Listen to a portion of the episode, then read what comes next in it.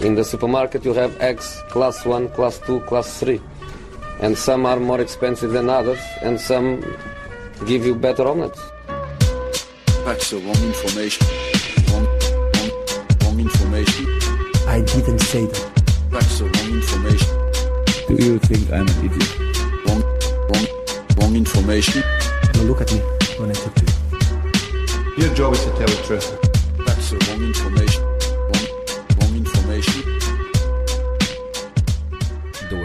Måndag och vi hälsar hjärtligt välkomna till Sillypodden. Mitt namn är Patrik Syk. Eh, Med mig här i studion har jag Andreas Lillhannus och Frida Fagerlund. En eh, debut i Sillypodden. Mm, stämmer. Och det är andra eller tredje gången du är med va? Allt är nära. Allt är nära.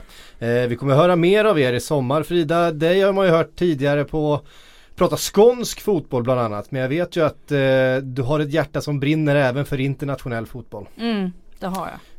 Eh, vilket är ditt lag? Eh, Vi måste mitt- vara öppna med sånt här. Det blir så konstig stämning annars. Ingen kommer Ja, reagera på det här. Jag tror inte det. Nej. Eh, nej, mitt lag är ju faktiskt eh, Charlton. Ja, jag vet ju det. Det var därför jag tog upp det. det eh, ni får reagera precis hur ni vill eh, på det där ute. Men eh, jag kan inte garantera att det blir Charlton-rykten. Även att sannolikheten blir ju högre nu när du är med. Mm, ja men precis. Ja men där händer Har du något bra. Charlton-rykte precis just nu? Eh, nej, inte mer än att eh, vad heter han? Esri Konsa blev väl klar för var det Bournemouth eller vad var det han gick till? Ja det var någon, det är i alla fall en supertalang i Charlton som har spelat där hela sitt, eh, hela sitt liv i stort sett. Mhm. Eh, som de tror väldigt mycket på. Han var med i Englands eh, U20-lag, de som vann guld nu Just eh, för några månader sedan. Mm. Eh, spännande. Många fina spelare som har kommit från Charlton. Mm. Ehm, det ska, vi, ska man inte förringa. Hörrni, det, vi har pratat ganska lite Chelsea under de eh, avsnitten som vi har spelat in här i början på sommaren. Nu börjar det bli dags. Känner ni inte det? Eh, för det börjar röra på sig på Stamford Bridge. Vi kan väl börja med en Bakayoko till exempel. Eh, Monacos fina eh, centrala mittfältare. Är det verkligen någon de behöver? Kan man, eller det första man ställer sig liksom, Matic Kanté känns ju som ett eh, ganska hyfsat centralt mittfält. Men eh, kanske behöver fler där bakom eller är det en breddspelare som man tar in i Bakayoko tror ni? Ganska dyr breddspelare i sådana fall. Ja, verkgen. Men jag vet inte om vi tar upp det senare kanske men Matic eh, kommer väl försvinna. Vi kommer Eh, in på det.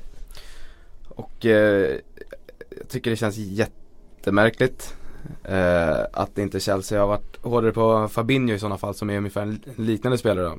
Mm. Eh, Bakayoko Som vi spelade tillsammans med Bakayoko i, i, i Monaco. Precis. Fabinho som har ryktats mycket till eh, Manchester United. Bakayoko har jag jag ska inte sälja, säga att jag följde liga superfanatiskt under säsongen men de Champions League-matcher jag såg så Bakayoko ja, gör väl okej ifrån sig, bra bollvinnare, tungt ankar liksom men jag tyckte inte han var så imponerande och vad jag förstått inte särskilt nära en landslagsplats ens. Nej. Nej. Och Matic som man tyckte hade en väldigt bra säsong. Eh, Kant- Kanté snodde ju rampljuset eh, på många sätt men, men Matic gör ju en väldigt fin säsong och har ju varit, spelat på det där mittfältet. Gjort det väldigt bra nu i ett antal säsonger. Vi vet ju att Mourinho älskar Matic. Han, eh, jag kommer ihåg en intervju han gjorde kanske i vintras någon gång. Det var där han pratade om hela sin karriär. Och han skulle då lista, han skulle göra en, en en startelva av spelare som han har haft i sina lag. Och då började han liksom eh, rabbla, ja men det är klart Cristiano Ronaldo, Zlatan och. Han nämnde liksom en handfull spelare så sa han, och så en Matic liksom en spelare, liksom en favorit. Så att han, han, han nämnde honom bland de absolut bästa spelarna han har haft i sina lag. Alltså, det är en kille du verkligen får precis det du vill av. Alltså en, en sån tydlig rollspelare som, som Mourinho älskar. Så att eh, det finns ju en det finns ju en kärlek därifrån eh, från Manchester, United då liksom. Eh, så att, att ryktena kommer är inte så konstiga. Men skulle Chelsea verkligen släppa honom till United tror ni? Nej, alltså man vet ju inte alltid hur Conte tänker heller. Det känns som att han, han vill spela på ett visst sätt och, och då ser han till att hitta spelare som han tycker passar in i, i, i hans system. Sen, sen är det som du säger, alltså Matic, han är ju inte underskattad men eh, alltså United-fans tycker väl inte att det vore en sån där jättehet värvning kanske även om som du säger att man alltid vet vad man får av honom. Mm. Eh, men nej, vi får se. Vi får se hur han tänker. Jag har inte sett liksom Monaco sådär jättemycket i ligan, bara mest i Champions League. Eh, så svårt att uttala mig hur bra han hade passat in där men Det man hade kunnat tänka sig är att de kanske skulle ha någon som är lite mer box to box. Alltså man vet att Kanté tar eh, mycket defensivt jobb, vinner väldigt mycket boll och täcker stora ytor liksom. Eh, defensivt att man skulle kunna ha någon som är ännu mer tempostark i två riktningar än vad, än vad Matic är. Helt, Eh, helt enig. Och där, därför tycker jag också där, Fabinho. där, därför det blir konstigt med, med Bakayoko-ryktet att han Mm. För det har det ju pratats om rätt länge till Chelsea, alltså det kändes som precis alltså Redan när liksom sista visslan blåstes där för säsongen så eh, Kommer de med Bakayoko-ryktena till, till Chelsea Ehm, Och det känns ju som att de har täckning just på de rollerna Ehm, Men ja, Och så känns det också om man jämför spelare till spelare, om man jämför till exempel med, med Tolisso, Lyons, Mm. som gick till Bayern München för, jag tror till och med att det var billigare än vad det rapporteras med Bakayoko till Chelsea. mm, Hur mycket mer må, äh, mångsidig Tolisso är jämfört med Bakayoko. Han är ju, ja, funkar defensivt Tolisso, absolut. Men har man Kanté bredvid sig så behöver man inte så jättemycket mer heller. Han, fick ju dessutom, Dan, han fick ju Danny Drinkwater att se ut som en jävla världsspelare liksom Ja i precis, Leicester precis. Tolisso är jättebra offensivt också. Det Ja. hade varit en mycket, mycket bättre värvning. Mm.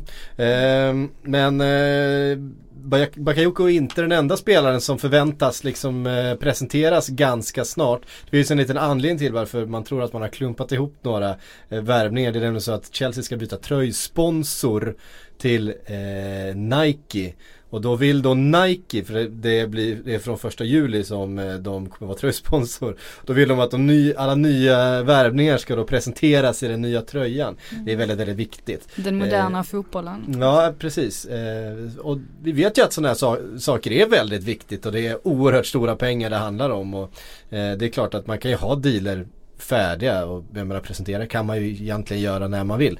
Eh, men det är därför jag tror att det har hänt ganska lite på liksom presentationsfronten i Chelsea. Men Bakayoko eh, tror jag väl med alla de ryktena som har varit nästan att vi kan räkna in. Eh, och nu verkar det som att man har fått grönt ljus från Juventus för att eh, värva in Alexandro. ehm, för, ja vad är det, 60 miljoner pund eller något sånt där. Mm. Och jag menar, det känns ju också som man hade en, en Alonso på den positionen förra säsongen som också gjorde en jättebra säsong. Man tänkte ju att på högerkanten en Victor Moses, att det var där man skulle. Ja just alltså efter, efter Hazard så var väl, ja kanske David Luiz så var väl ändå Marcus Alonso det största utropstecknet i Chelsea.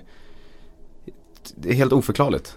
Jag, jag vet inte vad tanken är riktigt. Det var ju också en spelare som Conte hämtade in förra sommaren liksom. Så att det är en spelare som han, som han ville ha. Mm. Men då ska man in, men ser man, ser man eh, Alexandro in, ja men till vänster i en treback eller? Det Han är känns ju ju, alldeles för offensiv för ja det. det känns ju jättekonstigt. Ja som sagt man hade velat hänga med Conte i en dag och bara liksom försöka förstå hur hans, för han är ju en väldigt, intelligent tränare så jag tror Mm. säkert att han har en tanke med, med allting han gör. Men det hade Mm. varit intressant att, att låta honom utveckla det och försöka förstå och sätta sig in i hur han tänker. Ja för jag menar man inleder med positioner där man egentligen tycker att Chelsea är som starkast nästan. Mm. Ehm, det har också pratats om en eh, Virgil van Dijk eh, som ju var väldigt nära Liverpool och nu får man se då vad som, vad som händer med det här med det ryktas om att Chelsea då har lagt ett bud på, ja, igen där då 60 miljoner pund. Vi trodde ju att 50 miljoner pund skulle bli den här säsongens liksom så här standardpris för alla bra spelare men det, det räcker ju inte. Två världsrekord för backar om båda går igenom. Mm. Ja, precis. Ehm, och jag menar i den backlinjen, jag menar, man, det känns som man har täckning där också. Eller? Ja men li, lite mindre täckning bland mittbackarna än, än vänsterbacksplatsen. Alltså i, ja, Terry har försvunnit, Cahill blir inte yngre. Nej det är sant. Och Zuma, jag vet, det verkar inte som att Conte älskar Zuma direkt. Så ja, det hade väl kanske behövts en till mittback men Men att slänga upp 60 miljoner pund för, eh, för det, det känns överdrivet. Ja, man, Mm. man, man kallade ju hem sitt lån där från Bournemouth, nu tappar jag namnet bara därför. Nathan Ek. Ja, precis. Eh, som man kallade hem mitt under säsongen för man tyckte att man hade bok. Han fick ju knappt spela sen efter han kom hem. Men det, där har vi ju en, en mittback som vi, som vi vet är riktigt bra. Som gjorde en kanon halv, första halva av säsongen i, i Bournemouth. Var kanske deras Som är bästa på väg spelare. tillbaka dit nu igen för 74 gången. Är det, det är så Mm. kanske? Ja. Eh, på lån, är det ett nytt lån? Nej eller? nu tänker de slänga upp, jag, jag kan ha läst ett klubbrekord Ja. som var på väg att lassas upp. Det är, för Bournemouth i det läget som är nu, det är, allting de köper måste ju vara klubbrekord. Ja. De har ju typ aldrig betalat för en spelare tidigare. Nej. Och eh, nu har de två stycken Premier League-säsonger och, och casha in pengar på. Det är klart det blir lite dyrare än vad man har jobbat innan. Mm, men sen känns det ju som just mittbackar det, det, det finns ju så få av dem och det märks ju typ att press, alltså priserna pressas högre och högre. Det känns som att och oftast vill ju lagen också ha in en rutinerad mittback. Man orkar inte riktigt ta in någon som man måste, ja men är nu yngre som man måste lära upp eller sådär och då, då finns det inte så många, så många alternativ. Nej. Eh, märks ju inte minst på van, van Dijk liksom. Ja Priset där. precis. Jag menar vi, det var någonstans för då, några veckor sedan där innan som när det började pratas om de här fantasisummorna, alltså det är som 60-70 miljoner pund eh, för van Dijk och man är såhär, men han är ju inte ens en topp 20 mittback i världen. Alltså, han har ju varit skadad ju, också. Ja han har varit skadad sedan januari. Eh, och jag menar Han har ju inte liksom han har ju inte spelat för någon av de stora klubbarna. Han har inte gjort någonting egentligen än.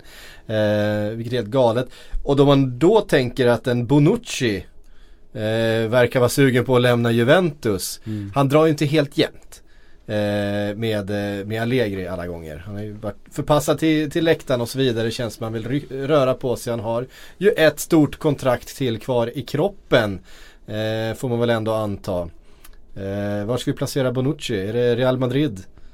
Jag vet, Mm. alltså där kommer ju också Chelsea vara och, och, och hugga, så är det ju. Eh, men löser man honom, det är det Conte-kopplingen. De kom väl bättre överens än vad eh, Allegro och Bonucci gjorde. Det var ju Conte som, som på något sätt eh, kanske inte bildade men revolutionerade den här eh, Han BBC. formade ju den där BBC-backlinjen. Precis. De älskar ju varandra såklart och eh, jag tror nästan City känns nog som favorit att värva Bonucci i sådana fall. Mm. Och ni får välja då, en van Dijk eller en Bonucci. Bonucci. Bonucci Det är alla inte dagar mycket att prata om, eller hur? Och då är, men om Bonucci, eh, jag tror att pengamässigt så talar det nog för City men tränarmässigt så talar det nog för, för Conte. Mm. Mm. Ja, det beror väl lite på, alltså, som sagt man vet ju inte vilken Contes första val är här. Alltså han kommer ju inte ta in alla de här spelarna. Nej, Eh. han kan ju knappast värva både van Dijk och Nej. Bonucci till exempel. Eh, och frågan är då fall Bonucci känns det som att det måste vara första valet. Det, de försökte ju värva honom redan förra sommaren. Eh, det var väl en av Contes absolut första. Det var väl när David Lees kom in till slut och som någon slags nödlösning egentligen som väl till slut och blev väldigt lyckad. Men, men eh, då var det ju Bonucci som man, som man ville ha och lyckades inte lösa honom då.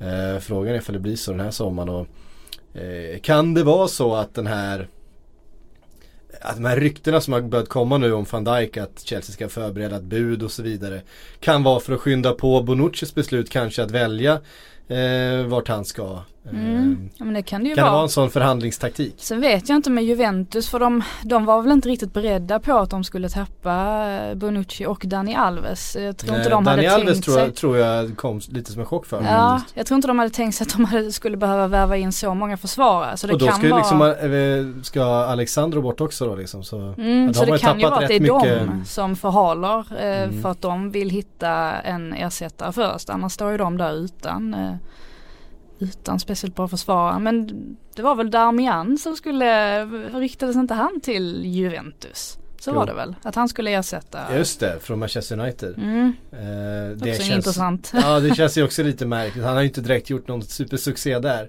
Känns Eh, typiskt Juventus och gör honom till världens bästa Då- försvarare. Ja, det skulle inte få vara s- nej. s- självklart. Nej, så, så blir det ju om han, eh, om han går dit. Mm. Det är ju, eh, det kan vi nästan eh, skriva upp. Men hur ska de ersätta centralt då? Det är ju inte Darmian som ska ehm, ta över den om Bonucci lämnar. Det är dags för en Rogano att ta klivet in och bli den här. Ehm, han är ju bara 22 eller vad han är. Men eh, Finns ju även en Benatia som är helt okej Ja. bakom också. Däremot så är jag inte helt säker på att om Bonucci nu skulle försvinna att Juventus plockar in någon ny för att delar av förra säsongen så körde man ju en fyrbackslinje. precis. Eh, och det funkade ju, funkade ju bra då. Eh, Det blir ju Dels- jobbigare då om Dani Alves och eh, Alexandro försvinner. absolut, men centralt har man fortfarande täckning på Chiellini Barzagli. Barzagli tycker jag är världens kanske mest underskattade fotbollsspelare. Placerar honom topp 5 bland mittbackar alla i hela världen. Tycker han är mycket bättre än Bonucci. Oj! Det beror på vilket sätt man vill spela såklart. I en Chelsea trebackslinje så hade jag också valt Bonucci med Mm. passningsfoten och med, med snabbheten men ja, Barzagli jag sätter inte en fot fel. Nej. Ehm, det är ju det man tänker alltså en, en Bonucci skulle ju ha en uppgradering snarare på David Luiz än på en Gary Cahill eller så. Alltså det är ju, då får man ju uppspels, eh, uppspelsfoten och, eh, och den fysiken och snabbheten som eh, David Luiz har. Ehm, så vi får se. En annan spelare som, eh, nu är det väldigt mycket Chelsea här. Vi river av alltihop här i, i början. Det är ju förstås Romelu Lukaku. Som också eh, har ryktats väldigt länge för en återkomst då till Stamford Bridge. Känns som man har oavslutade affärer där borta. Ehm, och på något sätt känns det som en perfekt ersättare till eh, Diego Costa. Lite Mm. obråkig kanske. Han är inte speciellt bråkig på, på plan och sådär. Nej. Eh, men jag menar det är en, det är en sån dynamisk eh, forward som kan ju allt. Jag menar han kan spela både rättvänd och felvänd och eh, gå i djupet och vinna luftdueller och, och så vidare. Och Mm. har ju en målgaranti därefter. Det kändes ju som att det stod mellan United och, och Chelsea och eftersom han uppenbarligen inte vill återförenas med Mourinho så, så lär det bli Chelsea och hans Instagram-inlägg som han la upp häromdagen hintar väl ganska rejält om att det kommer att bli Chelsea ändå. Konstigt läge annars att lägga upp eh, ett, eh, ett klipp med Chelsea-loggor eh, annars. Men eh, Ja. ja. Ja, det var den här five aside eh, Mm. match, någon här, någon bild va från eh, Ja, Jag såg det en bara video passera. till och med. Jag vet inte om den var ny eller om det var en gammal video. tror att det var en gammal video men ändå. Det Mm. är lite sådär. Den där målvakten hade inte lätt att rädda det där skottet. Nej, Han precis. satt i det här taget alltså. Ja, fan. Mm. Jag tycker det känns så tröttsamt att eh, Jag tycker det känns så jävla klart att Lu- Lukaku ska till Chelsea. Ja. Mm. Det känns så tröttsamt att det Faktiskt. inte bara blir klart. Nej men det är väl den första januari, eller första juli då så Det skulle väl vara det. ja. Eh, så står de där på rad alla allt. fyra då liksom. Eh, Lukaku och Bakayoko, Alexandro och Bonucci. Eh, ja, de har gjort ett ganska bra fönster skulle jag säga i Chelsea. Ett dyrt fönster. Eh, Mm. Det är väl ingen av de här som går för under en halv eh, miljard. Nej. Nej. Men det har de råd med. Ja, det har de. Mm. Eh, absolut. Kommer bli heta Champions League alltså. Oj, eh, Mbappé, eller Bappé, eftersom M då ska vara stumt enligt eh, Simon Bank. Vi vi tar med oss det. Ehm, ska ju ha blivit övertalad utav Zidane. Har ni läst detta? Mm. Eh, där Zidane då ska ha gett honom garantier om att han faktiskt ska göra sig av med en utav eh, front, en i fronttrion. Alltså Ronaldo, eh, Bale och eh, Benzema. Den andra BBC. Eh, helt enkelt. Eh, ett. Tror ni på de här uppgifterna? Två. Tror ni att eh, vem utav de tre är det som försvinner i sådana fall? Ja, jag tror på de uppgifterna. Mm. Och jag tror faktiskt att Bale försvinner. Och jag tror att Bale kommer att spela i Premier League i höst. För Manchester United. Mm. Det tror jag Det nog. känns ju som det, det känns ju som Ja, det tro, ja. troligaste Troligaste destinationen i sådana fall. Det kittlar ju. Men det, ja. Jag tycker nästan den diskussionen är mer intressant än att Bappé ska gå till Real Madrid. Det är nästan mer intressant att se vem, vem det är som tvingas lämna från Real Madrid på något sätt. För han, han vill ju ha speltid. Det är väl det som är den stora frågan. Det känns som att han vill till Real också. Men vi, vi vet ju kopplingarna dit. Han har varit där liksom när han var liksom 13-14 år gammal och hälsat på. De har haft koll på honom länge. Um, Zidane har ett, liksom ett gott öga till honom och sådär. Um, så Mm. ju lite, alltså för Arsenal känns ju ganska långt bort nu att han skulle gå dit. Jag, eh, nej, jag, jag, ser, jag inte. ser inte. Jag är helt oenig. är det så? Du är det? Ja, jag tror inte alls på kul. Real Madrid. Jag tror att BBC stannar och att han Ja, 50-50 om han stannar i Monaco eller om han går till Arsenal. Du, du säger det? Mm. Vad, du, får- nu måste du utveckla. Jag, det, jag har ju absolut inga fakta på det här. Det är inte så att Mbappé har Det är ringt- inte därför Han har inte skrivit till mig på Messenger och sagt att han ska utan Det är bara en magkänsla jag har att Mbappé faktiskt är, är så klok och, och vettig att han inte känner själv att han är Jag tror inte att han känner att han är redo för att spela i Real Madrid nu. Jag tror inte att Real Madrid känner att han är redo för att spela där nu heller. Därför tror jag att de antingen väntar ett år eller så går han till Arsenal och spelar där i två, tre säsonger sen, sen går till Real Madrid. Mm. Jag tror att det skulle vara ett lagom steg för honom och jag vill ju så gärna tro att han tycker det också. Ja alltså men, men så är det ju, han måste ju få speltid. Annars, Ja. annars kommer han ju inte gå. Men då tror jag nog mer också på att han stannar kvar i Monaco.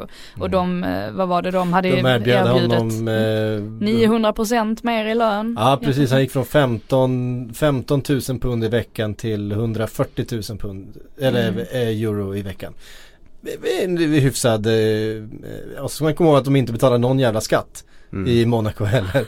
Utan det där är ju, det där är ju pengarna in. Mm, för man får ju, när man tänker lite på det, alltså det här är en kille som, han var väl inte ens med, det var väl först november förra året som han började spela med Monaco, alltså som han var med i startelvan och Mm. under våren som han har varit så himla bra. Så han har ju kanske inte bevisat så mycket ändå att Nej det är ju det som är, det är det som är roligt de här uppgifterna kring Liverpool som dök upp. Att de skulle ha liksom träffat eh, Mbappé och, och varit nära och sådär. De kom ju från förra sommaren. Mm. När de var där och tittade på en ung spännande talang som Ja, de precis. som de var intresserade av att eh, ja, men helt enkelt plocka in liksom till U23 breddspelare liksom, en, ungefär som man har tagit in en Solanke liksom på free transfer nu. Eh, så måste det var, gräma sig det, lite. var ett, det var ett år sedan och, och Monaco ville inte släppa honom då. Mm. Och sen det här med att Liverpool skulle ha lagt ett bud. Det är ju också lite det där att har man då scoutat en spelare under så lång tid och haft då koll på honom och följt hans utveckling, känner att "Ah, vi tog honom inte förra sommaren, det var bättre att han var kvar och så vidare. Och så bara för att han helt plötsligt slog igenom och blev en världsspelare så ska man bara släppa. Eh, så jag tror att det, det kan väl finnas en sån där, ja men okej vi slänger in, vi slänger in vår hatt i ringen då.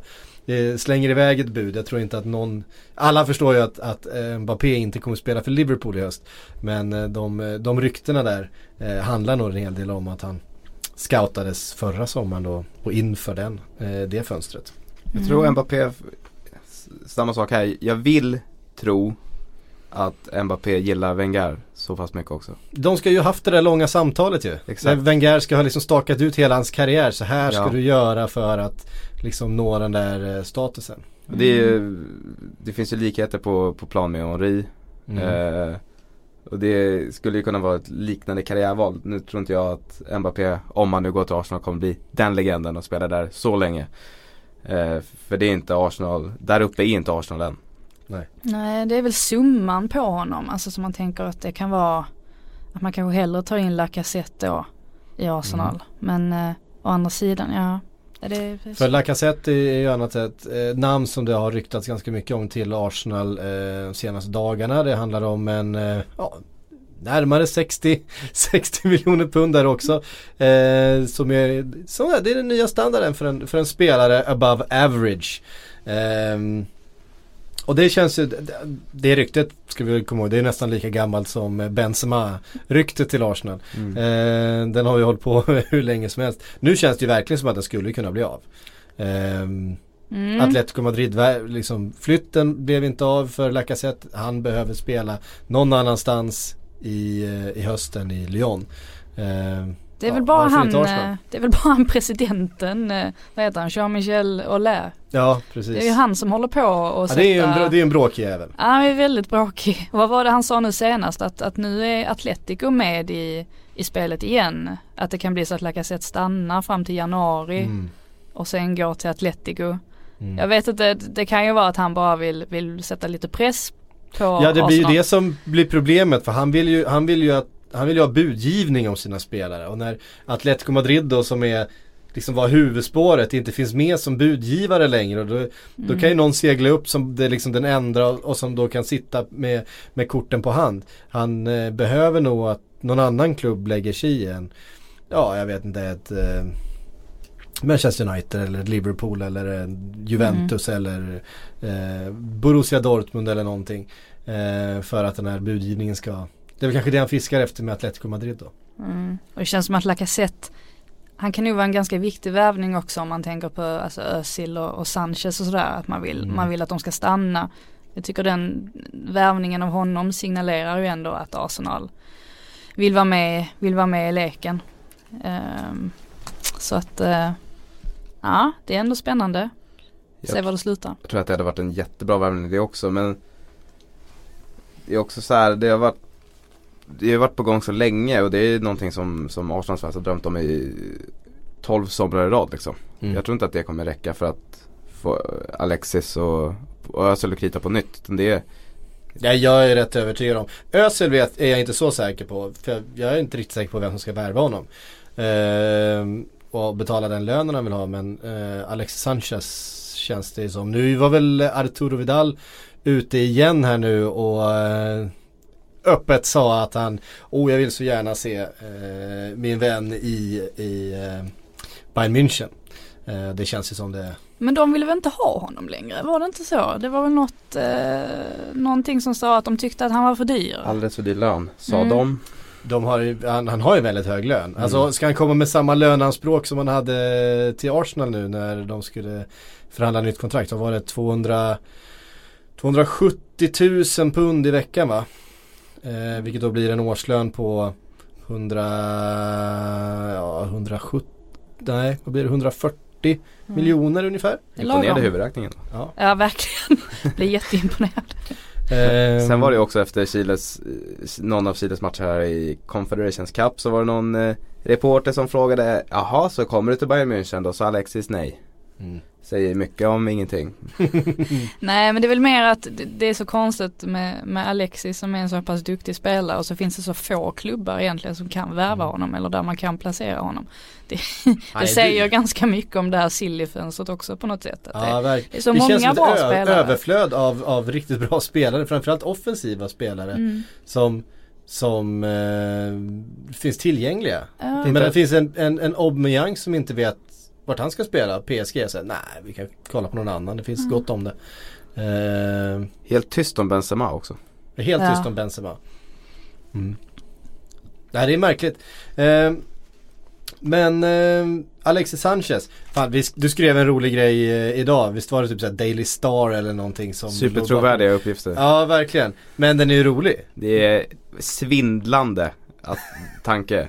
Om, Ja, du får, ju, du får ju redogöra för vad de skrev. Ja, det är då Daily Star som, eh, som, som skriver det här. Vilket man ska ta med ganska många Porrtidningen som, Ja, eh, som vi brukar kalla det. Precis. Som då skriver att eh, Ja det, det är ju ingen hemlighet, det är inte bara Daily Star som har rapporterat om att Manchester City vill ha Alexis Sanchez Nej. Det är Pep Guardiolas högsta prioritet av sommarfönstret och, Mm. och så vidare eh, Arsene Wenger har ju inte alls varit sugen på att sälja till en ligarival Det har jag varit ganska tydlig med också eh, Men sen Lyon höjt sitt pris på Lacazette till då närmare 60 miljoner pund Så har Wenger tänkt att oj Jag kanske skulle vilja ha Sergio Aguero i laget Mm. Och då skriver då Daily Star att de här två ska rent av byta Ja. Mm. Eh, ja. Jag vet inte vem som är, jag tycker ändå det känns som att City är vinnaren i den bytesaffären i sådana fall.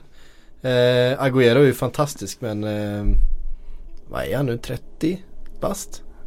31? Han har gjort 30 mål på Mm. Ah, ja, han är ju en målgaranti, det är ju, det är ju inget snack. Men jag menar någon ska ju, då får man ju ha kvar Özil. Så att någon, så att någon kan rulla fram bollarna till honom. Ja, Eh, så är det ju. Ja, men, Men, eh. Nej men den är, den är kittlande. Aguero hade ju varit, han hade passat så bra i Arsenal också. Han är ju, i boxen så är han ju, han, gör- han gör ju varje mål på en touch liksom. Mm. Superklinisk i, i, i boxen. Han är ju rod utan längden liksom. Med mycket annat. Ja han är ju ligans bästa avslutare. Ja. Eh, det är ju ingen snack om saken. Eh, men det här, eh, ja och Arsenal gillar ju inte att sälja till ligakonkurrenter. Van Persie. Eh, Ja men precis. Atleti har ju transferförbudet. Men det hindrar inte dem från att dyka upp i rapporteringen. För att i januari så kommer man kanske behöva plocka in en forward ändå om det är så att An- Antoine Griezmann eh, eventuellt ska lämna rätt så snart. Så kanske man plockar in en Zlatan i januarifönstret som då kommer vara fit for fight igen vad man tror. Eh, vad ger ni för det här? Zlatan och eh, Simeone tillsammans. En fri transfer ju så att. Ja. Nej jag tror inte, det var, det är ju faktiskt bara en, en, en sajt i hela världen. Vad jag vet i alla fall som har rapporterat om det här. Det är Tuttosport. Ja. Mm. Det är inte Eh, heller så. Och det är inte, det är inte, det är inget, de trycker inte på stort och säger så här Oj, kolla vad vi avslöjar nu. Utan det här göms i någon notis att Atletico ser Zlatan som en frestelse. Mhm. Alltså jag tror att eh, om en större klubb tar in Zlatan så kommer man kanske inte främst göra det för de sportsliga Alltså på sportsliga grunder. Jag tror det i så fall kan handla mycket om eh, marknads, eh, ja men Zlatan har ett väldigt högt marknadsvärde och att man i så fall tänker ur ett, ur ett mer PR-perspektiv eh, i så fall. Eh, för man, man vet ju inte när han kommer tillbaka och man vet ju inte vilken nivå han, han, kommer, han kommer hålla när han väl kommer tillbaka eller om han går sönder igen. Alltså det, det, ja, det är väl inte så många klubbar som kanske hade tagit den risken. I så Nej. fall. Han är ju, han är lite, han är ganska vidrig just nu Zlatan på, på sociala medier. Hans Ja, klädmärke där. Ja. Jag vet inte om alla följt det men Ja. det började med att hans klädmärke A till Z Mm. som, man, som det då heter på svenska lägger ut en Instagram-bild på Zlatan där det står välkommen till Los Angeles. Och när det kom då var det ju ganska kittlande och vi tände ju till här på redaktionen att oj vad kul, oj nu släpper han en hint här. Men egentligen var det grattis Los Angeles, nu kommer Dressman. Ja precis och så, var det, och så fortsatte det en dag senare när det var välkommen tillbaka till Milano och en ny bild på Zlatan. Och så tog det en dag till och så stod det välkommen till Madrid. Och då är det okej om de vill lansera grejer men det här är, det är Mm. bara de tre bilderna Och vi- och det är de tre klubbarna som Zlatan riktats till. Precis och man vill ju inte reagera på det men man måste ju eftersom att det är Zlatan så måste man ändå liksom eh, ta in det här. Men man kan ju tänka sig att hans eh, PR-folk alltså de, eh, de har nog lagt upp en rejäl plan nu hur de ska lyckas hålla Zlatan vid liv. Alltså själva varumärket. Ja, Zlatan. precis. Han har ju en mer aktiv PR-byrå än Erik Niva liksom. Det är, Det är svårslaget. ja, det är, det är, men kostar det så smakar det vet du. Det är Så.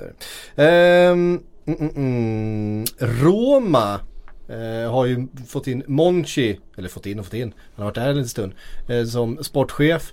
Eh, det är ju en wheeler and dealer av, eh, av klass. Redan har man eh, sålt eh, eh, Mohamed Salah för, ja, hur mycket pengar du är. Nu går ju uppgifterna isär. Det måste vi reda ut också. Är han dyrare än Andy Carroll? Ja, han är, dy- han är dyrare än Andy Carroll. Den där, den där 34 miljoner Man vill punden. inte att han ska vara.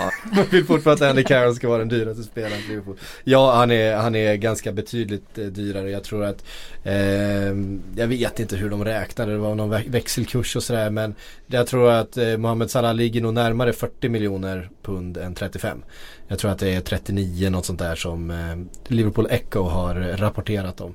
Hur mycket klubben än vill, eh, inte vill lägga den pressen tror jag på Mohamed Salahs axlar att han är klubbens dyraste genom tiden och sådär. Men faktum är att redan eh, Sadio Mané med bonusar och sådana saker förmodligen är dyrare än Andrew Carroll eh, från förra sommaren. Han kostade ju då typ 30 miljoner pund.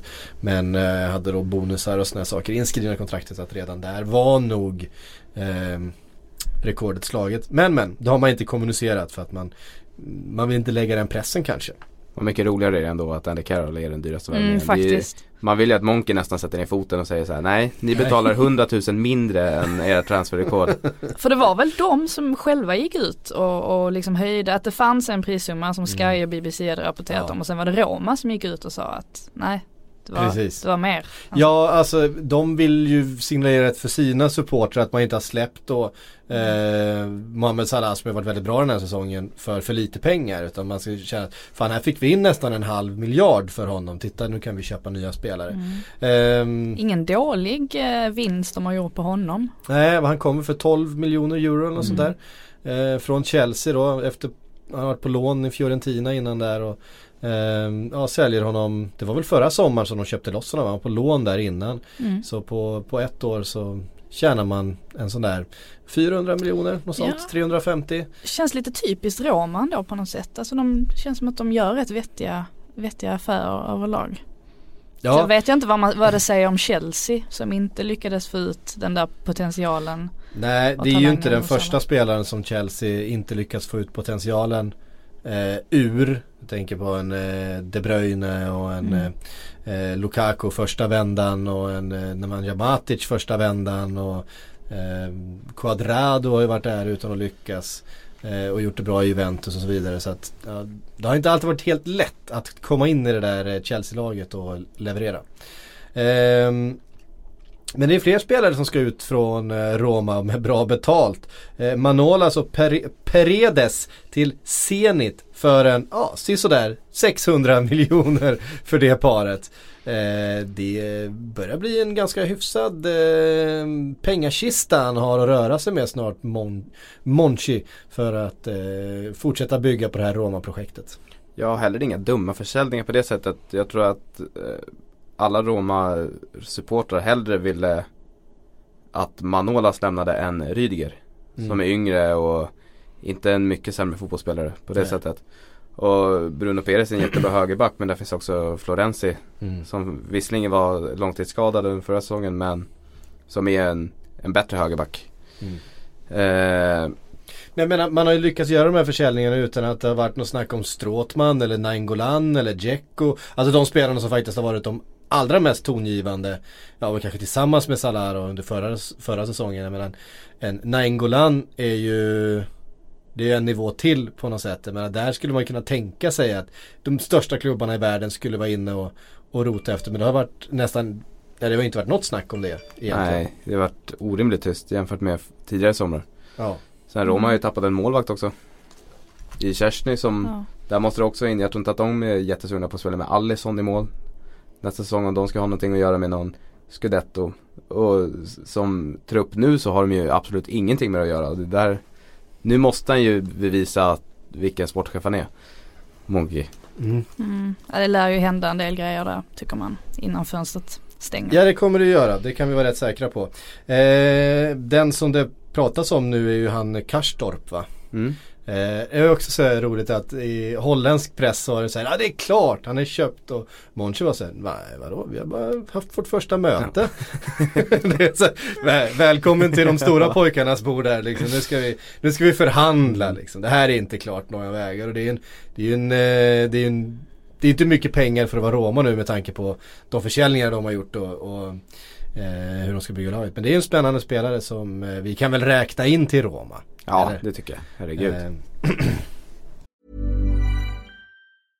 Ready to pop the question? The jewelers at BlueNile.com have got sparkle down to a science with beautiful lab grown diamonds worthy of your most brilliant moments. Their lab grown diamonds are independently graded and guaranteed identical to natural diamonds, and they're ready to ship to your door. Go to BlueNile.com and use promo code LISTEN to get $50 off your purchase of $500 or more. That's code LISTEN at BlueNile.com for $50 off. BlueNile.com code LISTEN. Ehm, ett annat lag som har eh, öppnat ganska optimistiskt eh, den här seriesommaren är Everton.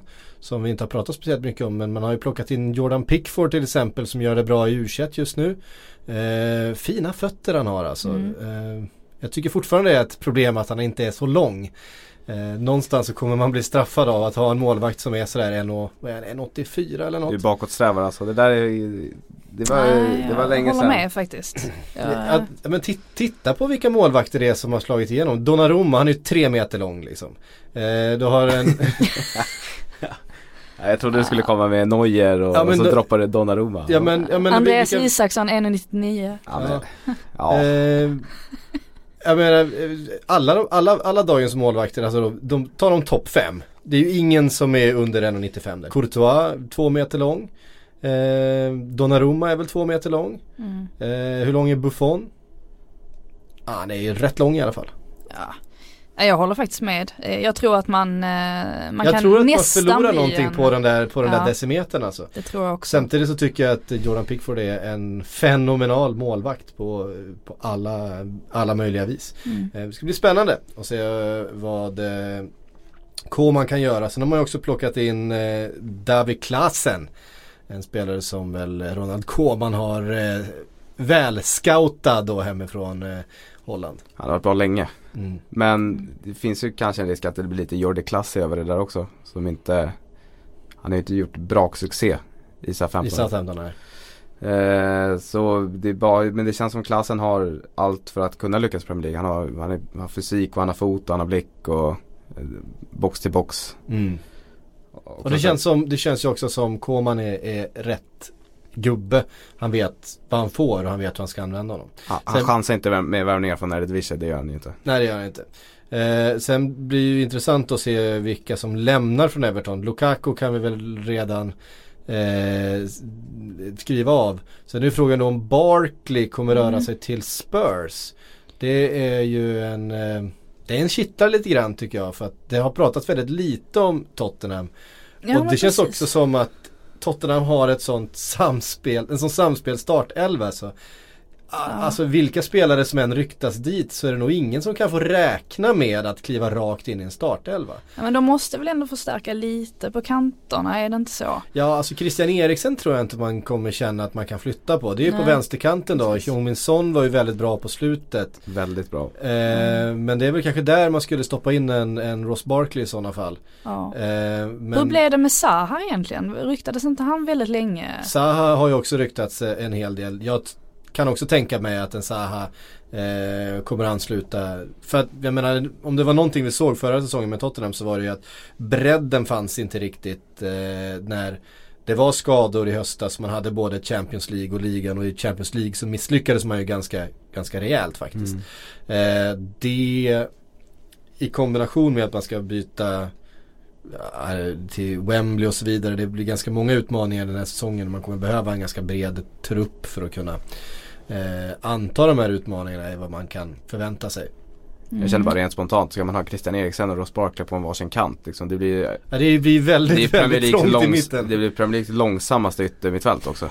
Ja, det är ju inga, inga, ja det är ju inga klassiska yttrar, det är det ju inte. North London Derby, det är bara att sätta Mertesacker som ytterback då liksom. Ja men verkligen, det känns mer som de behöver någon, de behöver en kvick spelare. Ja men det är väl Wilfried Zaha, han är ju snabb. Ja. Eh, han är ju verkligen, han är ju en klassisk ytter. Eh, men ska man sätta in en Eriksen i mitten där, det spelar ju Deli Alli. Eh, honom flyttar man ju verkligen inte på i första taget och eh, Christian Eriksen bakom vet du fasen. Jag, jag tror inte att Tottenham kommer värva någonting. Du tror inte det? Nej jag tror inte det heller, man får ju inte den. Det är ju väldigt svårt, det är väldigt svårt att värva till Tottenham så, så bra som de har byggt det här laget nu. Det är väldigt svårt att lägga till någonting kvalitet som omedelbart förhöjer dem. Utan det, det handlar ju om, ja men typ en Wilfried Zaha kan tänka sig sitta på bänken, kan vara en rollspelare om, om Pochettino behöver, behöver speed på en kant för att Sen behöver de ju fortfarande en backup till Harry Kane. Eh, Och men- en högerback om Walker. mm, och en precis. högerback om, om Walker. Men där finns ju också eh, kvalitet bakom tycker jag. Men ehm, ehm, Men man behöver, man behöver ju en, en till striker eftersom Jansen dög ju inte. Det tror jag vi kan vara överens om. Samtidigt kan man inte gå igenom en hel säsong med bara en, en toppforward.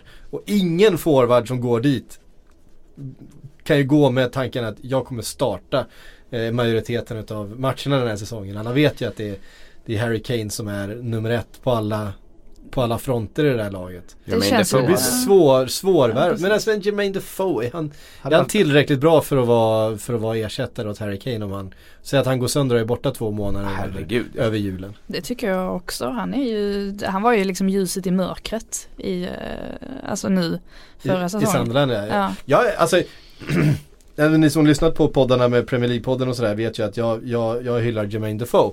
Eh, jag tycker han är en, en fantastisk målgörare men han bidrar ju med inget annat.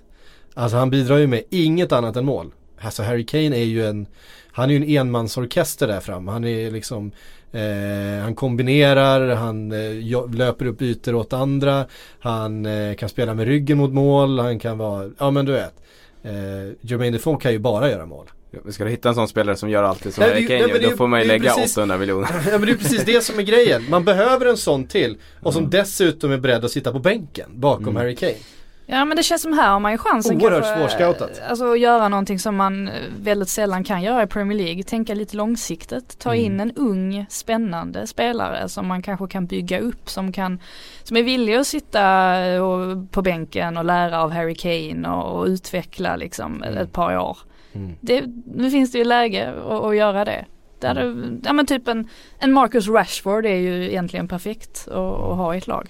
Typ en Dominic Solanke hade varit helt okej också.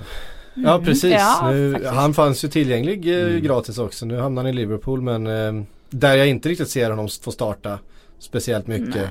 Eh, jag vet inte vart han hamnar. Det beror ju på ifall Sturridge eh, blir kvar i laget. Men han, han klämmer sig ju inte fram före Origi heller i, i turordningen. Utan det är Firmino som kommer vara nummer ett då i, i det centrala anfallet. Sen är det Sturridge eller Origi om de vem som är kvar där och sen är det väl Solanke kanske där bakom som Mm. Så jag menar var tredje Tredje alternativ i Liverpool istället för att kanske vara ett andra alternativ i Tottenham.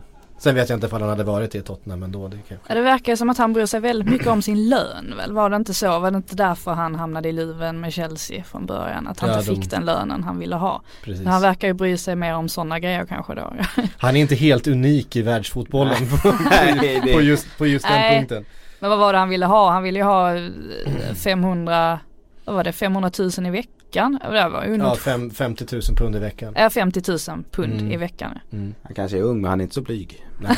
Nej, det skulle man kanske själv, skulle själv satt lite press liksom så här. Mm. Eh, ja precis, hur många matcher har han spelat för Chelsea? Typ två ligacupstarter eller något sånt där. Det är som att jag skulle gå in till cheferna här och be om en månadslön på 100 000 liksom. Det funkar inte så. Gör det inte? Nej. Fan också. Ja. Ehm, hörde ni, vi tar oss vidare till eh, Dani Alves. Vi har ju varit inne och tassat lite på det namnet tidigare här. Men vart ska han egentligen? Är det Manchester City som eh, är grejen? Är det rent av på andra sidan stan i Manchester United som han kommer? Ja, det vore ju kul oavsett vad men det känns ju som att kopplingen till Guardiola talar väl för City. Han har ju, det som jag tror, eh, de blev ju väldigt ställda tror jag, eh, som vi var inne på i Juventus när han meddelade att han ville lämna. Allting verkar ju vara frid och fröjd. Men där handlar det ju helt enkelt om att han, han vill testa på England liksom. Så att det känns inte som att det finns någon annan liga eller liksom pengar eller Kina eller PSG eller något sånt där. PSG pratades ju eh, lite grann om när han meddelade att han, att han tänkte lämna Juventus. Men eh, han har som jag har förstått det haft liksom i sin långsiktiga karriär, karriärsplan att han ska liksom någon gång i karriären ta ett kontrakt i England för att testa på den engelska fotbollen, den engelska fotbollskulturen. Och det är ju lite intressant. Jag borde sagt det lite- till Juventus innan. Jag tycker synd om dem alltså. De blev ju, som jag har förstått det, de blev ju superchockade av det här. Ja. Jag tycker de, det, är inte, det är inte värdigt tycker jag. Det är lite Zlatan över det också ju, exakt. faktiskt. Att Mm. sådär testa på och vara lite här och lite där och Mm. spela i många ligor. Man värvar ju ett väldigt starkt klubbhjärta. Det har han ju för Pep Guardiola. För Pep Guardiola, för Barcelona har han Ja, ett, eh, eh, ett starkt klubbhjärta, det tror jag. Sen United, jag, Mourinho gick väl ut i våras och sa att Antonio Valencia är världens bästa högerback. Mm. Så jag har svårt att se att Och Valencia att har ju faktiskt varit väldigt Han har bra. varit, han har varit väldigt Ja, bra. Eh, så att eh, Kanske först på en, eh, på en startelva efter de Gea och Fellaini typ. Men det känns som att Valencia var väl en av de få spelare som faktiskt blev bättre under Mourinho. Ja. Om man tänker rent, ja men Herrera var ju, men han har ju alltid var- varit hyfsat bra. Men just Ja. Valencia stack ju ut verkligen. Så Ja, man, alltså det, det blir väldigt tydliga roller. Om man säger så. Mm. När, när Mourinho kommer in. Det, det, du får ju en väldigt specifik uppgift på planen. Ehm, så var det ju eh, även innan med, med van Gaal också. Men där var det ju nästan för styrt tror jag. Det var så spelarna upplevde det att det var eh, de fick inte, de, de blev tillsagda precis vilken kvadratmeter de skulle stå på vid alla skeden av matchen liksom. Eh, här är det mer, mer eh, enskilda ansvar på andra sätt. Eh, Valencia är ju fantastisk när han, när han brakar fram där på sin kant och sin, sin högerfot. Har ni någon, någonsin sett honom ta ett enda tillslag med vänsterfoten? Nej han kan inte. Det är, bara, inte det är bara stödjefot alltså. Jag tror att, alltså, man kan titta på honom en hel match. Han har, alltså, bollen har inte nuddat hans vänsterfot. Fastän han har liksom haft massor med boll ute på kanten och stormat fram. Mm. Den är aldrig där alltså. det är fascinerande att man ändå Ja. kan komma så långt i karriären. På den här nivån. Ja.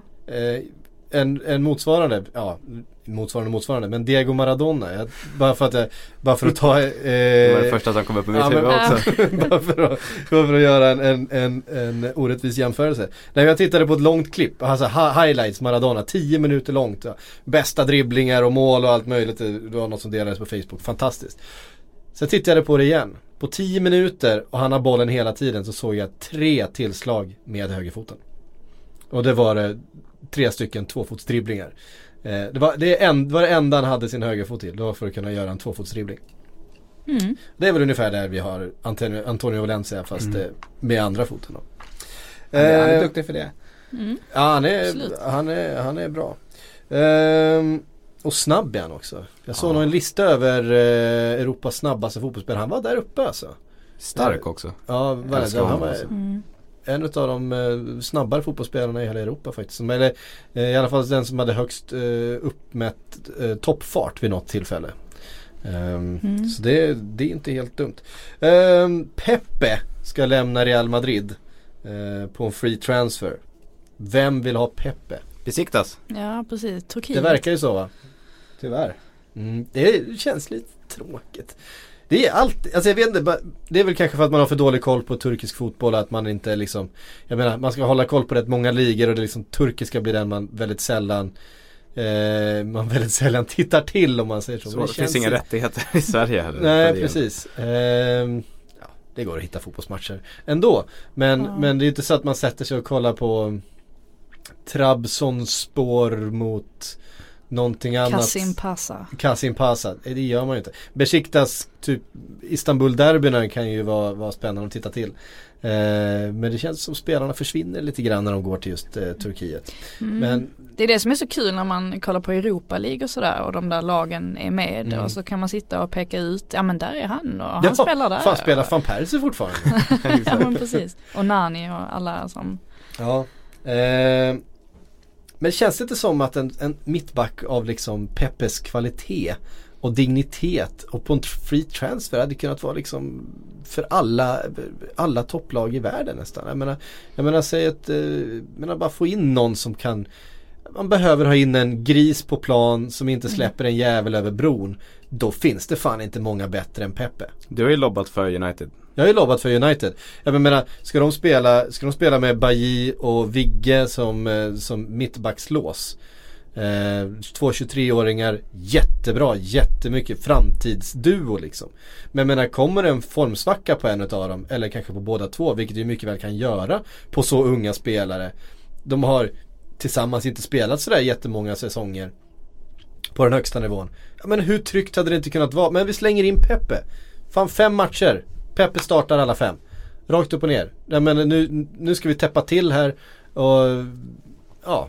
mm. Det, det, känns, det känns ju som en Mourinho-sak att göra. Men Mm. eh, det ja verkligen. lutar ju mer och mer åt eh, Besiktas om man ska tro eh, uppgifterna som har kommit. Annars snackades det mycket om PSG vilket också var märkligt att de skulle betala en så Alltså han är en jätteduktig fotbollsspelare sådär men jag kan inte tänka mig att han går ner 200% i lön direkt. Det, det känns som att han är en spelare som Som gillar stålar liksom.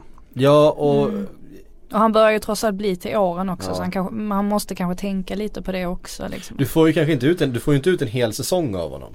Utan det är ju som en, ja men liksom som en sån pusselbit han skulle funka. Som att stötta upp till exempel ett väldigt ungt och lovande mittbackspar i Manchester United. Ja, ja, jag, Lite, lite mentorsroll sådär, ja men lite li, fadder. li, lite grann. Alltså Vigge känns ju som en kille som skulle kunna behöva bli lite mer elak. Eller? Alltså det är han inte, jag menar han ska Jag tycker vara inte han behöver vara elak. Han, han bara, Fan jag älskar honom alltså. ja, ja eller hur, man kan inte säga någonting. Han behöver inte vara elak. Han ska är så vara sig själv. god alltså. Ja men han är, han är ju, han är ju, han är ju jättegod, han är liksom även på planen. Men fan man skulle vilja att han skulle bli lite mer Lite mer, ja, men lite mer Jonas Olsson också liksom. Men jag tycker det är så gött med honom att han verkar så obrydd inför allt. Inför livet, inför, ja, men Ja, att han bara, han bara gör Mm. grejer och så är han jättebra på det han gör. Blir han arg då blir han arg. Men jag, det, det känns bara som, ja jag håller med dig. 100% alltså. Han, han har ingen tanke på någonting. Han vet ju inte ens vad han är för person liksom. Han, Nej, bara, precis. han bara lever. Det är lite labrador över honom. Ja. Eh, han bara skuttar runt. Ehm, vi måste ta lite frågor också. Klockan eh, springer iväg här. Eh, Alexander Odjers. Eh, Celuis är en mångsidig och bra striker. Lirar i Spartak Moskva. Kommer vi få se den kapverdiska strikern i en av de större ligorna. Eh, och den tog jag ju med bara för att det var någon som hade svarat på den och sa att nej, jag tror Psyk har för dålig koll på den ryska ligan för att kunna svara på det här. Men det ryktas om Watford och det ser ju väldigt spännande ut. Eh, den som svarade där eh, har ju alldeles rätt. Jag har ju ganska dålig koll på den ryska ligan. Så i alla fall inte så bra, bra koll att jag kan placera Selouis någonstans. Men Jag råkar veta att han har gjort en väldigt bra säsong för han har ett eh, årets lagkort på Fifa som faktiskt är ganska bra. Eh, så baserat på det så tycker jag absolut att Watford borde värva honom. Mm, och det känns som att Watford, de har någonting på gång alltså. Det känns som Mm. att de, eh, ja. Sen eh, det är klart så sätter ju ägarna alltid eh, väldigt höga krav uppenbarligen på Watford och det de ska prestera. Men det känns som att de håller på att bygga, bygga upp någonting riktigt kul så ja, får se om de har några scouter i, eh, i ryska ligan. Watford har väl scouter överallt. Det är väl det som är hela grejen med, Känns det. med, Mm. med de där ägarna. Eh, senast vi fick en eh, skyttekung från den ryska ligan var väl när West Brom värvade Rondon ja, precis. Ehm, jag trodde du menade skytteli- alltså skyttekung Premier League så tänker jag så, nej, nej, nej. Eh, Ja, det var det jag satt och tänkte på också. Eh, nej men från den ry- ryska ligan. Mm.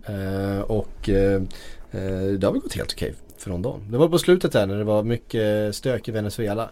Han blev ju personligen ganska, ganska påverkad utav oroligheterna där och hade svårt att koncentrera sig på fotbollen de sista veckorna. Men eh, fin fotbollsspelare. Han var ju skrä- han är ju skräddarsydd för att spela i West Bromwich också. Jag, Ja. jag kan inte riktigt placera Placera någon annan från ryska ligan i, i det facket liksom. Nej han är ju, menar definitionen av stor och stark. Mm. Ehm, Quincy Promes vet jag mycket om däremot och han borde röra sig. Ja, Quincy Promise har det ju ryktats rätt länge om. Han har väl varit på gång, jag vet inte hur hans kontrakt ser ut. Men han har däremot släppt en hiphop-video ihop med Memphis Depay. Som är under all kritik. Och just det borde göra att priset skulle sjunka lite grann. Eh, för då ska man behöva stå ut med sånt också. Om ni inte har sett det, kolla Nej. upp det. Quincy Promise och Memphis Depay har gjort någon slags gangsterrap tillsammans. Två fotbollsmiljonärer. Eh, som är nere med kidsen.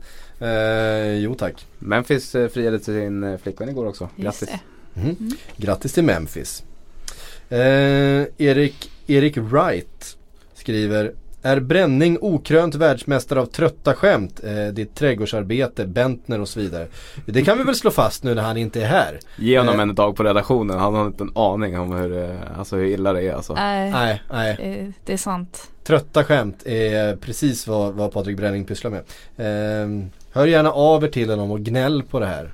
Han får alldeles för lite skit i sociala medier. Eh, kan jag känna. Nils Henningsson undrar, vad kan ett lag som West Ham hoppas kunna värva? Ja, sen de där Giroud-ryktena eh, så har det ju inte pratats om några sådana där eh, namn på den där nivån. Eh, till, Walcott. till, till eh, ja Walcott har det i och för sig pratats om, det är sant. Ehm, frågan är vad mer som West Ham behöver. Det känns som att Det där laget som såg så spännande ut för ett år sedan. Mm. Eh, med Stor hela, besvikelse. Med hela Payet eh, härvan och med att ganska många spelare faktiskt underpresterade. Det finns fortfarande väldigt mycket fint i det laget tycker jag. Tycker att en Lanzini är en, eh, en spännande spelare fortfarande och sådär men Michel Antonio. Ja, Michel Antonio är ju, det är ju favoritspelaren i alla Ja. kategorier. Men jag menar, sätta någon som vänsterback, man vet ju att han kommer göra ett mål liksom. Jag fattar inte varför inte han får spela anfallare. Han hade gjort 45 mål på en säsong liksom. Alltså mer naturlig avslutare. Ja, Han, han blundar och skjuter den och sitter alltid som stolpe in. ja typ- han är typ 1,60 lång och gör 1000 nickmål på en säsong liksom. Ja, Han är, han är, han är ett, vad säger man? Ett enigma. Men Eh. Ger- Giroud och Walcott in, det hade ju varit det, Han hade är ju, fel. Nej, gud nej. det är bara att springa på en kant och så står Giroud och Antonio i boxen och nickar in liksom. Mm, Så jag är det- ger ro ett skorpionmål eller sånt där. Eh, Viktor Kåsson eh, skriver Jonas Hector i FC Köln, varför värvar ingen honom? Känns som att han skulle kunna spela i en större klubb eller är han inte bättre? Eh, ja, så tysk landslagsman eh, på en position där det letas febrilt och eh, sådär. Det är lite förvånande att inte han har hamnat i en större eh, klubb faktiskt än så länge. Jag vet inte hur hans lönekrav och hans kontraktssituation ser ut där i, Köln men eh, ganska tyst har det varit. I och med att det är just FC Köln så tror jag, jag kan inte tänka mig att det är några helt orealistiska summor som man Nej, sitter på. Jag Det tycker, känns inte så. det är en väldigt bra fråga och jag har, instämmer 100%. Visst var det eh, eh, Det var något italienskt lag som jag bara nämndes i samma andetag som Jonas Hector för inte så länge sedan. Kan det ha varit Napoli då som ersättare till eh, Golan. Ja, precis. Eh, eventuellt. De har ju även budat på Alberto Moreno. Ja, exakt. Ehm, Då hade, då hade Jonas Hector varit Då hade jag klassen hellre, bättre. då hade jag hellre köpt Jonas Hector än, än Alberto Moreno. Det, det skulle jag säga. Eh, men det är klart, har man ambition om att spela med, med wingbacks då skulle Alberto Moreno kunna funka. Men om han slipper försvara. Eh, Mm. Han är ju rätt snabb. Eh, Simon Mates undrar, vad händer med Kujovic? Eh, och där kom det uppgifter nyligen om Halmstad. Halmstad? Jag trodde du skulle säga djur, Djurgården. Jag Nej. blev helt, eh, blev helt ställd. Ja, Eh, men det kom uppgifter om Halmstad, vi har det i Ja, bloggen. vi kan väl konstatera att det inte kommer hända. Nej, Djurgården känns ju som ett mer realistiskt alternativ nu när Gustav Engvall är ryka. Precis, han är ju kontraktslös just nu va? Eh, Kujovic. Mm. Det står ju mellan Stockholmsklubbarna, alla tre ser jag som, som rimliga alternativ. Mm, för det känns inte som att Malmö, alltså de, de behöver inte riktigt den spelartypen ehm, just nu. Så att nej, någonstans i Han Stockholm. hade ju lyft vilket, vilket allsvenskt förslag, eller all, allsvenskt anfall som helst eh, känns det som. Mm. Utom kanske just MFFs. Ja, det hade han ju kanske gjort också men det, och kanske just AIK där som redan har exakt den spelartypen mm, men med betydligt sämre kvalitet. mm. Mikovic skulle vara jättebra i AIK speciellt eftersom Rickard Norling förespråkar ett sånt inläggsspel. Mm. Så tror jag att han har varit jättebra. Djurgården där hänger det nog mycket på Gustav Engvall. Om han blir kvar eller inte. Absolut. Mm. Ingen åter, återvändo till eh, Norrköping. Jag tror faktiskt inte, jag, eh, jag tror inte att tror kanske inte de har råd riktigt heller. Alltså jag tror att han, han kan nog begära en del om han ska Mm. återvända nu. Jag hade trott mer på det om Sebastian Andersson såldes. När det pratades om det men nu har han haft en ganska kall vår. Nog inga som vill betala stora summor för honom. Mm. Och när man redan har Sebastian Andersson och Kalle Holmberg då tror inte jag att man vill Nej. känna något behov av att plocka in Mikovic. Nej. Ehm, vi tar en sista fråga. Eh, den kommer från eh, David eh, at Ghost of Torres. Sjut- sjut- 70 miljoner pund på Nabi Keita eller 70 miljoner på Virgil van Dijk. Vem är egentligen mer orealistisk än den andra och vem hade ni valt? Det handlar ju om Liverpool och eh, de två namnen som sägs vara näst på tur då efter Mohamed Salah som eh, är, är klar som vi har redan eh, presenterat i den här podden ett par gånger tidigare. Eh, Naby Keita då från eh, Red Bull Leipzig, eh, eller RB Leipzig. Rasenballspark. Rasenballspart ja. eh, Eller Vi- Virgil van Dijk, en, eh, en försvarare och en mittfältare. Det pratas alltså om 70 miljoner styck, alltså pund. I vansinniga pengar för båda två kan man tycka. Eh, Keita har ju själv sagt att han vill lämna. Men klubben säger att nej, det blir inget av med det. Precis som i Forsberg-fallet där Settenkaja har varit lite missnöjd kan man väl säga eh, med, eh, med den hanteringen. Eh, så har också Naby Keita fått beskedet att du är inte till salu. Eh, Alltså Keita är ju en väldigt spännande spelare men Liverpool behöver väl en mittback? Är det inte så? Liverpool behöver ju en mittback och Mm. behöver nog en central mittfältare också. Eh, så jag tror att det kommer nog värvas en av varje. Men eh, Mm. Alltså jag hade nog med, för visst har det pratats om eh, han Lazio mittbacken också, Stefan De Vrie. han. fria, ja precis. Eh, I så fall ta in honom som är billigare än van Dijk och Ja. Keita. Så hade jag nog eh, gjort i så fall. Mm. Jag hade, hade, ur en Liverpool-synpunkt så hade jag definitivt plockat in van Dijk. Mm. Men ur, i nästan vilken annan klubb som helst hade jag tagit Keita. Mm. Jag tycker 70 miljoner för honom, det är inte mycket. Nej, där har du ju verkligen en box-to-box eh, spelare. Absolut. Ehm, Ung dessutom. Ja, ung och, och stark och dynamisk och jag menar, gör mål och kan täcka upp och försvara och springa. Och, ehm, ja, det är en väldigt spännande spelare. Hur realistiskt är det att Liverpool lyckas lösa någon av de här eh, så som läget ser ut just nu? Nej, det är noll. Eller, eller de skulle kunna lösa eh, Keita om de, om de bara ville. Uh, van Dijk är väl kört, alltså Ja. av, av andra skäl. Mm. Jag tror egentligen faktiskt, jag, jag, jag tror så här, jag tror att van Dijk är fortfarande möjlig för jag tror att eh, Chelsea inte kommer betala de pengarna som Liverpool är bered- beredd att betala. Dessutom har han själv sagt att han vill till Liverpool och då spelar det egentligen ingen roll. Det som händer då är att Chelsea kan lägga ett bud, då kan ändå Liverpool komma tillbaka till Southampton. Och vi, vi, vi matchar det budet och sen får han välja. Och då väljer han Liverpool för att ja, han har han, han har själv sagt det innan att eh, jag vill spela Liverpool, jag, jag vet att han får, han får starta, han blir liksom nummer ett i backlinjen där och han får spela under Jürgen Klopp som han vill. Eh, när det gäller Naby Keita så tror jag inte klubben säljer honom. Jag tror inte att Liverpool kan betala de pengarna som klubben kommer kräva. Eh, så det tror jag inte blir av, jag tror man kommer eh, rikta in sig på någon annan central mittfältare. Jag gillar ändå RB Leipzig för det att de inte säljer. Mm. De har ju inte det ekonomiska behovet direkt. Nej, precis. Jag tycker det är fan strångt alltså. Man kan tycka mycket Ja. om dem men eh, Det är kul också att eh, alltså Bayern som annars brukar vara duktiga på Mm. att köpa sönder sin enda konkurrent. Det är ändå kul att de får lite konkurrens. Mm.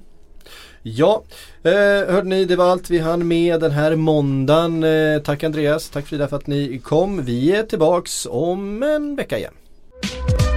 I think I worked for 16 years here in England and I deserve a bit more credit than wrong information.